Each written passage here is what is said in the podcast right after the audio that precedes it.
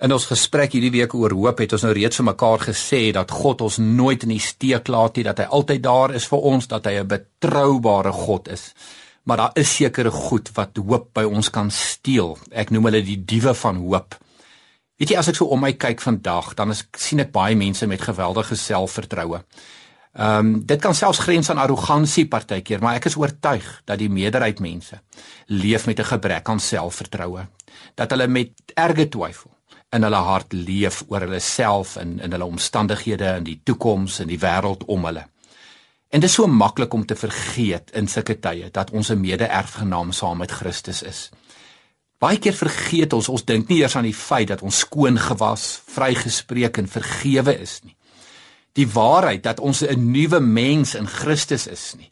En saam met die nuwe mens kom nuwe hoop die feit dat daar vrede is, dat daar vreugde is, wat vrugte van die Gees is, wat die Heilige Gees vir jou en vir my bied in ons hart elke oomblik van elke dag. Weet jy, ek en jy hoef nie met minderwaardigheid te leef of met 'n twyfel in onsself te leef nie. Want dis hierdie minderwaardigheid en dis hierdie twyfel in onsself wat ons hoop steel, wat ons moedeloos maak, wat ons 'n pessimistiese gesindheid gee. Onthou mede-erfgenaam, skoon gewas, vrygespreek, vergewe, vrede, vreugde. Dis al die goed in Christus, nuwe mens wat tot jou beskikking is en wie jy is.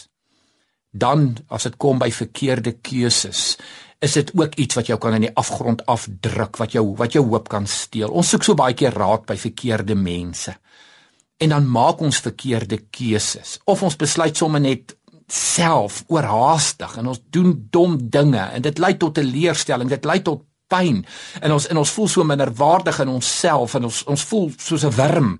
Um, en en as jy soos 'n wurm voel dan is daar nie hoop nie en jy en jy beleef nie hoop nie. En ons vergeet weet jy ook in sulke tye is God se liefde steeds onvoorwaardelik Sy liefde vir jou is steeds innig. Dis hoe dit in Efesiërs beskryf word. Dit is steeds brandend. Dis hoe dit in Hosea beskryf word. Sy vergifnis is tot jou beskikking.